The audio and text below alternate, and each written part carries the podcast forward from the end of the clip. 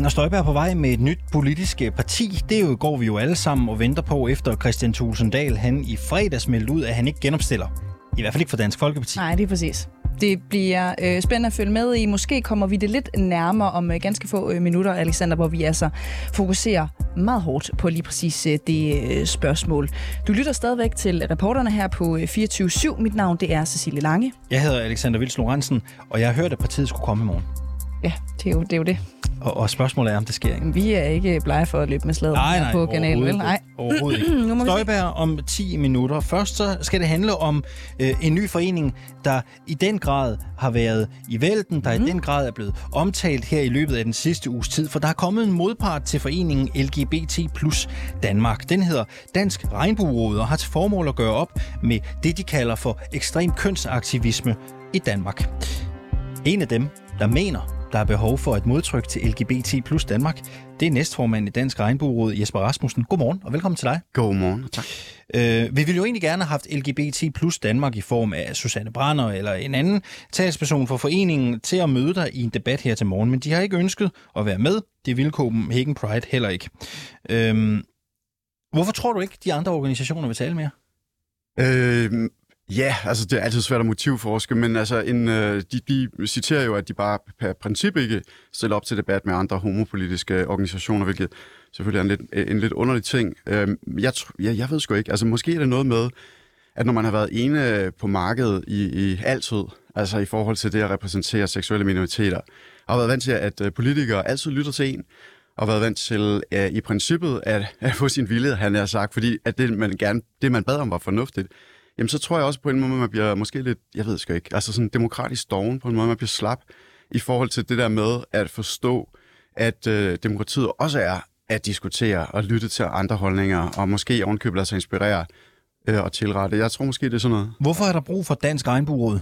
Jamen, der er brug for, for Dansk Regnbueråd, øh, fordi tingene er kørt af sporet i forhold til, øh, hvad der er ret og rimeligt. Øh, og vi eksisterer jo som LGBT-personer, øh, ikke som en, en, en ø i et samfund. Vi er øh, en integreret del af et samfund. Og øh, det, den kamp, vi har haft indtil videre, det har været en, en ærlig øh, og rimelig og nobel kamp for ligeret. Øh, og den er vi på plads med, har været øh, længe. Der er stadigvæk nogle ting omkring adoption, sådan noget, vi kan arbejde med. Men, men dybest set, så er, så er, er det tjek ved den kamp vundet. Og siden 2019, hvor øh, LGBT plus Danmark blev kuppet af, af, af folk øh, af, med, en, med en særlig ideologi, som er sådan måske lidt poppet kan betegne wokeness, det gør vi i hvert fald, øh, jamen så er det gået fra den her kamp, som var rimelig, til at være implementeringen af en ideologi. Hvem har kuppet øh, LGBT? Jamen det, det er jo øh, folk med en anden holdning, som, end, end det her med den her sådan rimelige drift øh, af, af lige rettigheder, mm. og som har en anden holdning, som handler om, at der er mange flere køn, og der er, det, det, det, det er en ting, som... Hvor mange køn mener du, der findes? Jamen, der, der er to køn. Mand og kvinde? Mand og kvinde. Okay. Øh, det er jo bare fordi, jeg var inde og kigge på medlemstallet af LGBT plus Danmark i deres seneste årsrapport. Der er 1435 medlemmer i LGBT plus Danmark. Det er jo en svimlende lille del af den samlede danske befolkning på øh, lidt over 5 millioner mennesker. Så spørgsmålet er, hvor farlig en forening er der egentlig tale om, eller hvor meget gennemslagskraft Øh, kan de her 1435 mennesker egentlig have? Jamen, øh, det er jo øh, ikke, altid sådan, det fungerer i Forenings Danmark. Øh, LGBT plus Danmark øh, er på finansloven, det vil sige, de øh, er, er ikke afhængige af medlemsindbetalinger. Øh, og øh, derudover har de høringsret, som det hedder, i, i, i Folketinget. Så de er, de er the go-to-organisation for øh, alle ting, der har med LGBT at gøre. Og det er i det, som øh, deres øh, indflydelse øh, ligger. Øh, mere end medlemstal. Du har ret i, at det er et meget, meget lavt øh, medlemstal, og øh, hvad hedder det? Jeg ja, ved ikke, og, og grunden til, at jeg nævner det, det er jo fordi, at, at, at, at øh, jeg, jeg tror for langt, lad os være ærlige, for langt størstedelen af den danske befolkning, at de her øh, woke-tendenser, som, som du beskriver, det er jo ikke et problem. Altså, det er jo, det er jo ikke noget, der, der fylder i de fleste menneskers liv. Ja, det er jeg ikke enig i. Så spørgsmålet er, hvor, hvorfor er det så stort et problem? Hvorfor er de jer så, så bange for, for den bevægelse? Jamen, hvad hedder det? Jeg tror ikke, vi, vi er ikke bange for den. Man er bange for ting, man ikke forstår. Og vi forstår godt, hvad det er for en ideologi, de gerne vil implementere. Det er helt tydeligt for os, hvad det handler om. Og det, øh, og det som de gerne vil, og grunden til, at jeg ikke er helt inde i din præmis om, at det ikke er noget, der påvirker folk, det gør det. Det påvirker øh, folks mulighed for øh, øh, følelse af, at de godt kan udtale sig omkring det her. Det påvirker den måde, vi kigger på hinanden på, på biologi. Øh, det påvirker kvinder, biologiske kvinders rettigheder. Det påvirker børns mentale trivsel og fysiske øh, velbefindende inden for sundhedssystemet, hvor en hel masse børn i stærk stigende grad bliver øh, udredt for kønsdysfori og bliver medicineret med meget, meget, meget barsk medicin, som på et tidspunkt, hvor børnene er midt i den vildeste ombygning af deres øh, krop og hjerne, bliver, øh, får mulighed for at tage noget medicin, som påvirker udkommet af, hvilket køn de måtte mene, de var midt i den Lad, lad os prøve at blive ved det, for I har jo lavet et, en, en 12-punktsplan, eller en, et 12-punkts nedslag i jeres politiske program. Jeg prøver lige at læse op øh, her. Ikke? Øh, der står blandt andet, ingen kirurgisk eller medicinsk behandling af børn under 18 år med pubertetsblokker. Lad puberteten gå sin gang, og så kan der konkluderes efterfølgende. Der står også, intet juridisk kønsskifte til børn. Det er en glidebane, der gør det vanskeligere for barnet at vende tilbage til sit biologiske køn. Retten til at bevare sit medfødte juridiske køn er en menneskeret, intet retssystem må krænke. Hvis man nu er et barn eller et ung menneske, ikke? du er 12 år, du er 15 år, og man grundlæggende føler, at man er meget forkert i sin krop, og man måske er noget andet. Mm-hmm. Hvad gør vi for de mennesker? Fordi det lader jo til, at der er ikke noget hjælp at hente til dem i jeres program. Hvad gør vi for dem?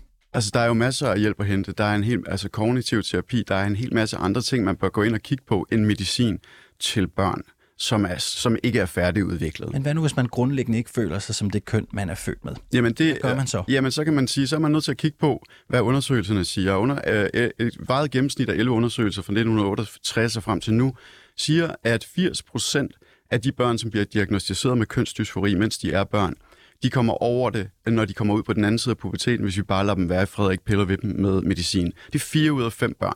Så er de, for, er, de, er, de, er de forkert på den, Nej. de børn og unge, som, som, høre, som altså, føler sig som et andet køn? Det, det er de jo ikke. Altså, for man kan sige, der kan være mange årsager til, at, at stigningen på øh, over 4.000 procent i forhold til 2014, ja, rent faktisk, hvis man 2014-tallet er, er fire børn, og det var øh, praksis, så vidt jeg ved, alle sammen drenge.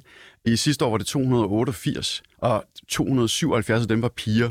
Så et eller andet er på spil, som ikke bare er en eller anden naturlig udvikling eller et realisering hvor af mørket. de der tal, hvor, hvor har du dem fra? Øh, fra, øh, hvad hedder det, seksologisk klinik på, øh, hvad hedder det, Rigshospitalet. Men det er bare for at blive klogere på, hvad, hvad, hvad vil I gøre for de øh, unge mennesker, som i en alder af 15 år, altså er overbevist om, at de er, øh, at, at de er født i en forkert krop, at de er noget andet. Altså er der nogen, skal det på nogen måde være muligt at, at skifte køn eller komme i behandling? Eller, eller er det bare helt udelukket, Behand... som det ser Ja, ja men altså behandling er jo mange ting. Øh, behandling er også øh, terapi, kognitiv terapi, og, og behandling kan også være, at man ligesom siger, prøv at høre... Hvad skal den kognitive terapi munde ud i, tænker du? Jamen, den skal jo munde ud i, at du på en eller anden måde i den periode, som er puberteten, får øh, finder ud af at forlige dig med det. Og vi kan fint være, altså forældre kan jo fint komme og sige til Emilie, som har det rigtig svært af alle mulige årsager, øh, som er i spil lige i øjeblikket, og som, som er, er skyld i, i, i, i det her meget, meget, meget, meget stærkt stigende tal. De kan jo fint sige, og prøv at høre, øh, klip håret kort, vi kalder dig Emil, øh, du får lov til i dit visuelle udtryk at ligne øh, en dreng, og vi skal nok være med på den, men sødskat, der kommer ikke medicin i dig, før at din lille voksne krop er øh, på vej øh, og, og er færdig udviklet, sådan at vi kan konkludere på det. Det er en fuldstændig vild ting at, at, at, at skulle leve livet så som det her. her. måde, uanset hvem der måtte være tale om. Kommer der en... en... nogen kirurgisk eller medicinsk behandling til børn og unge under 18, og intet juridisk kønsskifte. Det, kommer, det kan ikke jo, altså prøv at, kommer der øh, en dag, hvor, hvor vi kan sige med usvigelig sikkerhed, at vi kan konkludere meget, meget tidligt midt under børns pubertet på, hvilket køn de bliver, når de er færdige med den. Kommer der en eller anden undersøgelse, der viser, at det kan vi fuldstændig. Jamen, så, så må man jo se på det igen. Det kan vi ikke nu, og usikkerheden er nødt til at komme børnene til gode. Du skriver også, eller I skriver, ret skal være ret, øhm, I skriver også noget om undervisning. Jeg læser det punkt, øh, punkt nummer 10.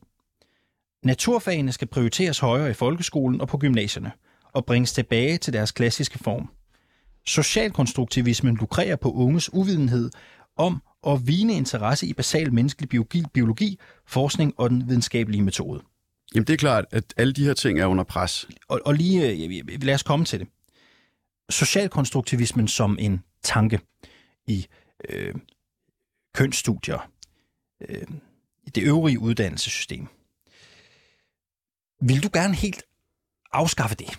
Altså, skulle det helt være slut? Hele diskussionen om, omkring det er selvfølgelig øh, detaljeret, men det der med, at vi er gået på kompromis med en fuldstændig basal biologiforståelse, som er kommet ind og har sparket alt det, vi ved om biologi, om forskning og didaktik til, til hjørne for noget, der er kommet ind for fem minutter siden. Det er mere, om du synes, brugen af socialkonstruktivismen, altså det her med køn eksempelvis, er en social konstruktion, om du synes, det er farligt. Jamen, det er helt evident farligt, fordi det, det betyder... Det, Hvorfor? Jamen, fordi det, det betyder, det er, at i, øh, i forhold til mennesker, hvis ingenting er givet, og alting er noget, vi selv skal bestemme, det er en fuldstændig vanvittig ting at lægge, særligt på børn. Øh, vi er givet af noget biologi, men vi er også givet af en hel masse øh, socialiserende omstændigheder. Men vi holder fast i, i Dansk Regnbueråd, sammen med altså, en biologi, der har været etableret forever, at der er to køn, og så er der et spektrum. Du kan være en meget feminin dreng, en meget maskulin pige. Du, du kan have alle mulige udtryk inden for det spektrum. Men vi er nødt til at være enige om, at grundbiologien Men du, er I binær. skriver, I skriver i jeres program her, at det naturfagene skal prioriteres, og vi skal øh, passe på med socialkonstruktivismen. Altså har du kendskab til øh, undervisning i folkeskolen eller på øh, gymnasier i biologi for eksempelvis? Altså hvor man siger, køn er en social konstruktion. Øh, øh, ja, øh, det har jeg. Jeg, jeg, jeg, jeg er lærer i folkeskolen, og det vil Ja. sige, en, øh, en, en del... Folkeskolen har outsourcet sin seksualundervisning til, til øh, eksterne organisationer som Sex og Samfund, og i København og Aarhus Kommune, der hedder Normstormerne. Og de praktiserer det her.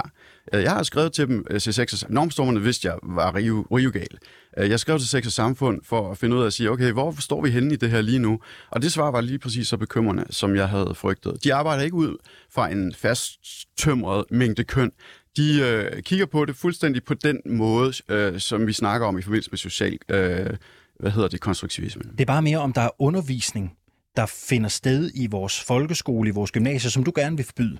Altså om der er tilgange til stoffet, som I helst gerne vil forbyde. Jamen, øh, forbyde alt undervisningsmateriale i folkeskolen bliver vurderet. Når jeg kigger på, hvor meget vi ser på fransk øh, bøger og matematikundervisning, alting er vurderet. Der er, øh, øh, om det øh, lever op til undervisningsmæssige standarder. Nå, skal, skal normstormerne have lov til at undervise på? Under ingen omstændigheder. Det er jo vanvittigt. Okay. Vi kan ikke engang få indblik i, hvad de underviser i. Der er nedlagt et fodforbud okay. imod, at de udleverer deres materiale ud for Hvad med sex og samfund? Skal de have lov til at undervise? Sex og Samfund, også vi, vi, vi, synes jeg har været en meget, meget glimrende organisation. Jeg vil virkelig ønske, at jeg aldrig havde kigget ned i detaljerne i. Øh, øh, det er jeg så glad for, Men som gjorde. den ser ud i dag, den organisation, skal de have lov at undervise, eller skal de ikke have lov at undervise i seksuel undervisning? Øh, vi er nødt til at, at kigge på, hvad vi er enige om, at børnene bliver øh, på hovedet med i forhold til den her diskurs. Så for nuværende skal de måske ikke have lov. Jeg synes, at de øh, skal have lov, men vi bliver nødt til at gå ind i en dialog omkring det og få rettet de her ting til. Man kan ikke bare omskabe et ideologisk grundlag, således at det ikke flugter med det, som er en biologisk virkelighed. Her til sidst. Øh,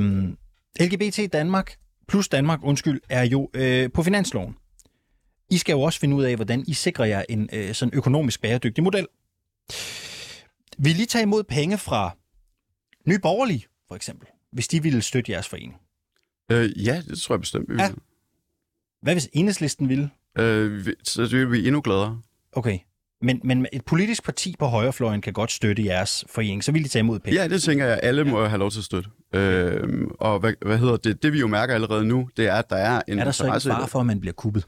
Altså hvis I for eksempel siger, det er fint nok, at nye borgerlige de støtter vores organisation, er der så ikke en fare for, at man bliver kuppet eller bliver spændt for en politisk vogn? Hvis du er en øh, medlemsorganisation, så er, du, er der en far for, at du bliver kuppet. Hvis du er en organisation, som er enten på finansloven eller lever af donationer, øh, så skal du altid øh, forsøge at tilstræbe at være li- doneret fra, fra begge sider. Og vi rækker virkelig, virkelig meget ud. Jeg er jo gammel socialdemokrat, eller ikke særlig. Øh, jeg har været det hele livet og hoppet for fire måneder siden over til konservativ, fordi at, øh, at Socialdemokraterne havde truffet for mange dumme beslutninger i forhold til det, som betyder noget for mig på det her område. Jesper Rasmussen, du er næstformand i Dansk øh, Regnbueråd. Tak fordi du kom i studiet her øh, til morgen, og Mange god tak. morgen øh, til dig. Ja, i måde.